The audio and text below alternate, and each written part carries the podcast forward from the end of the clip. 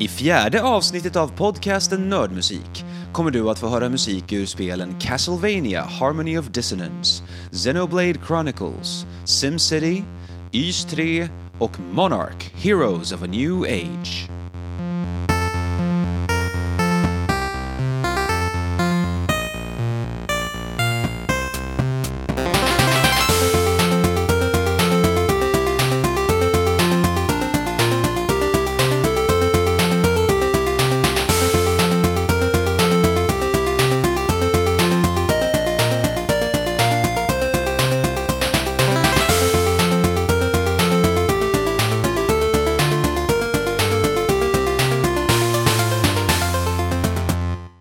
Hösten 2002 släpptes spelet Castlevania Harmony of Dissonance till den bärbara spelkonsolen Game Boy Advance. Vid den här tiden slogs Microsofts första Xbox och Sonys Playstation 2 om att vara störst, bäst och vackrast. Och Nintendo hade ganska nyligen släppt sin nyaste tv-spelskonsol GameCube. Castlevania är en högt älskad spelserie med anor från mitten av 80-talet. Utvecklarna, Konami ville med Harmony of Dissonance trotsa tekniken i den bärbara spelmaskinen Game Boy Advance och åstadkomma ett spel som kunde mäta sig med tv-spelskonsoler. De flesta var eniga om att Konami i mångt och mycket hade gjort underverk med inte minst spelets grafik, men däremot hade de tvingats göra eftergifter med ljud och musik för att möjliggöra sina avancerade grafiska och speltekniska lösningar. Musiken lät därför lika elektronisk och metallisk som i 80-talets tv-spel, trots att Game Boy Advance var kapabel till en betydligt mer behaglig ljudbild. Kompositören som fick den kanske något otacksamma uppgiften att skriva musik till spelet var Soshiro Hokai. I samband med att spelet kom ut släpptes även spelets musik på skiva och i skivkonvolutet ber Hokai besvikna lyssnare om ursäkt för ljudkvaliteten. Han skriver att för att närma sig produktionsnivån i tv-spel på en bärbar konsol var det en nödvändig begränsning. Men han försäkrar dock att han ansträngde sig minst lika hårt för att skriva engagerande och uttrycksfull musik. Castlevania-serien är känd för just att genomgående ha väldigt välskriven och minnesvärd musik och rent kompositionsmässigt är Harmony of Dissonance inget undantag. Spelet är fullt av välsnickrade melodier och häftiga arrangemang som utnyttjar de knapphändiga medlen till fullo. Att musiken är så pass bra, det talar för Soshiro Hokais kvaliteter som tonsättare. Här är ett av de första styckena som hörs i spelet och tillika ledmotivet för spelets huvudperson, Just Belmont, Successor of Fate.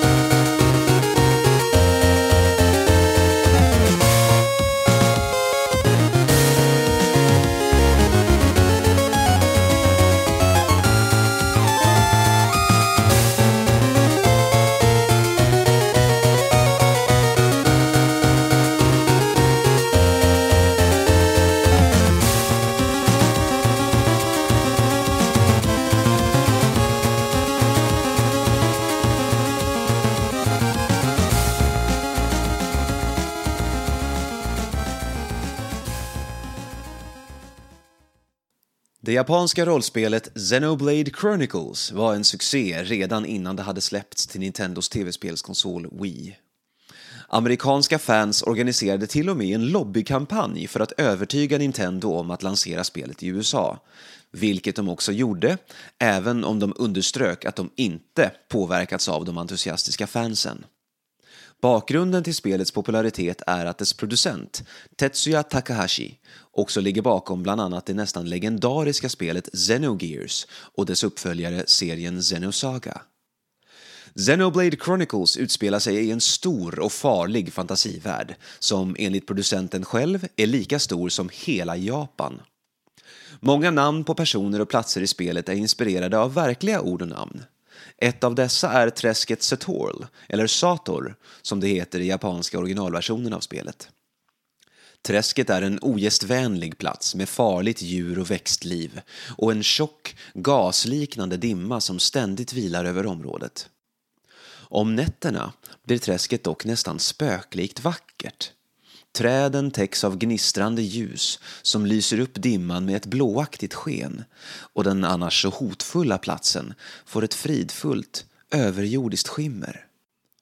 Tiden går konstant i spelet. Dag och natt avlöser varandra och många platser i spelet har olika musikstycken för olika tider på dygnet. Tonsättaren Manami Kiyota, som gjort den mesta musiken till spelet, har till Satorlträsket skrivit orolig och äggande musik för dagtid, medan nattens musik är skir, trollsk och sorgsen. Manami Kyota är framförallt känd som musiker och sångerska. Bland annat medverkade hon på skivan Mahoroba från 2004 med musik från Final Fantasy-serien omarbetad till visor. Namnet på träsket, Sator, kan ha inspirerats av ett uråldrigt kristet kryptogram, ett slags korsordspalindrom en fyrkant med ord som utläses likadant oavsett om man läser dem framlänges eller baklänges. Kryptogrammet ansågs bland annat fungera som trollformel för att skydda mot ondska. Här är den trollska musiken från Sator, Phosphorescent Land, Night.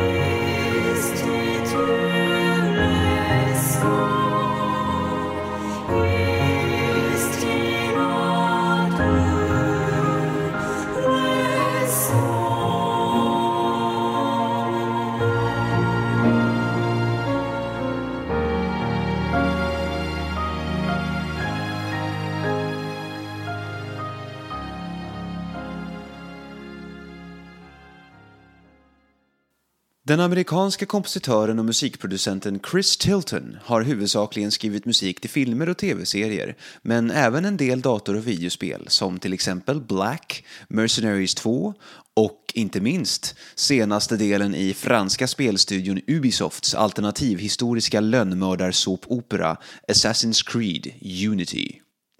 Han har jobbat på många filmprojekt tillsammans med sin landsman och kollega Michael Giacchino. Giacchino började sin karriär i spelbranschen med bland annat Medal of Honor-serien och har övergått mer till filmer och tv-serier. Både Tilton och Giacchino har dessutom jobbat regelbundet med producenten Jeffrey J.J. Abrams, känd för serier som Alias och Fringe och filmer som Super 8, nya Star Trek-filmerna och Mission Impossible 3. Ett annat spel som Chris Tilton gjort musik till är det nya SimCity-spelet från 2013. Spelet drabbades av allvarliga problem när det släpptes och ratades av kritiker såväl som av spelare. SimCity-serien, som sträcker sig ända tillbaka till 1989, är annars en mycket omtyckt serie som på 90-talet spred simulationsgenren till en bred publik. Chris Tiltons stämningsfulla musik var en av de saker som undslapp kritik i det nya SimCity-spelet. Precis som i Xenoblade Chronicles går tiden i SimCity konstant och musiken låter annorlunda vid olika tider på dygnet. Jag har klippt ihop dag och nattversionerna av ett och samma stycke från SimCity för att illustrera detta. Musiken börjar på natten, övergår efter en stund till dag och eh, har det vitsiga namnet Town and Out.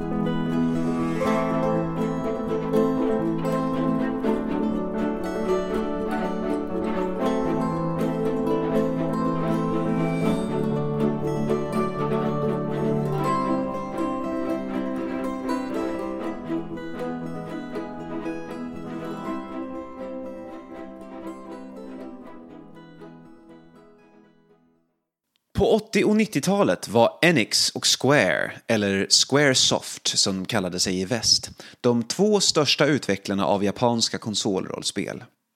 Enix stora spelserie var Dragon Quest, som döptes om till Dragon Warrior i USA. Square inspirerades av den oerhört populära Dragon Quest-serien och gjorde Final Fantasy, en spelserie som nu har blivit ett av världens mest värdefulla varumärken. Men ytterligare ett företag var på hemmaplan i Japan då lika stora som Enix och Square. Det företaget är Nihon Farcom Kabushiki Kaisha, eller helt enkelt Falcom. Falcoms spel fick aldrig den genomslagskraft i väst som Enix och i synnerhet Square fick. De två spelserier som Falcom är mest kända för är The Legend of Heroes och Ease. Men företaget ligger även bakom allt från pussel och strategispel till erotiska spel. Falcom är också känt för att ha välskriven musik och deras musik och ljudavdelning, känd under namnet Sound Team JDK, har innefattat många individuellt kända tonsättare, som till exempel Yuzo Koshiro. En av de tidigare medlemmarna i Sound Team JDK är Mieko Ishikawa. Hon anställdes på Falcom 1987 och jobbade ofta i början tillsammans med just Yuzo Koshiro. 1997 lämnade hon företaget men återvände senare. Först som kompositör återigen, men hon har nu övergått till att eh, jobba som regissör. Under sina första tio år på Falcom skrev Mieko Ishikawa musik till bland annat Ease, Sorcerian och Brandish-serierna. Många av dessa släpptes till flera olika spelmaskiner, alla med lite olika tekniska förutsättningar. Och följaktligen lät samma musikstycke lite olika i de olika versionerna av spelen. Jag har klippt ihop ett medley av olika versioner av ett och samma stycke från spelet Ease 3, Wanderers from Ease, för att visa hur lika och olika de kunde vara. Stycket, skrivet av Mieko Ishikawa men inspirerat av musik av Yuzo Koshiro från det första Y-spelet, heter The Boy Who Had Wings.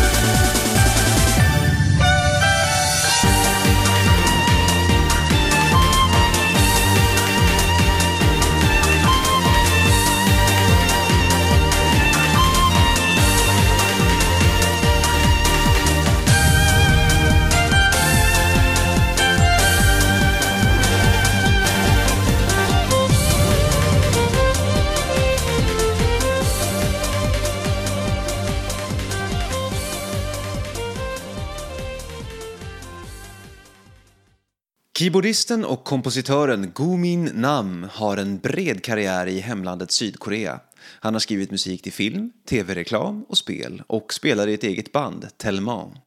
Förutom musiklektioner i grundskolan och pianolektioner på fritiden när han var liten är Nam självlärd. Han fastnade tidigt för musiken i spel som Final Fantasy 4 och ironiskt nog Ys 3. Men eh, det var inte förrän senare som Nam bestämde sig för att själv skriva musik till spel. Större delen av Gumin Nams musik är helt okänd för västerländska öron men i januari i år lanserade det amerikanska skivmärket Scarlet Moon Records två album med Gumin Nams musik. Soundtracket till spelet Monarch, Heroes of a New Age samt en skiva med specialarrangemang av musiken från samma spel. Scarlet Moon Records grundare, Jason Napolitano, har tidigare arbetat som spelmusikjournalist och därigenom fått kontakt med Gomin Nam. Kompositören själv ser det här som de första och långt ifrån sista skivsläppen han gör utanför sitt hemland. Eftersom spelet Monarch Heroes of a New Age är ett online-spel som åtminstone än så länge endast går att spela på koreanska är Gumin Nams musik just nu det enda sättet att ta del av spelet. Musiken är huvudsakligen orkesterbaserad, men eh, Nams bakgrund som keyboardist återspeglas i hans flitiga användning av diverse klaverinstrument. Det här stycket är inget undantag. Årets näst sista avsnitt avslutas med Gumin Nams saltstänkta pianovals, Seaside Village.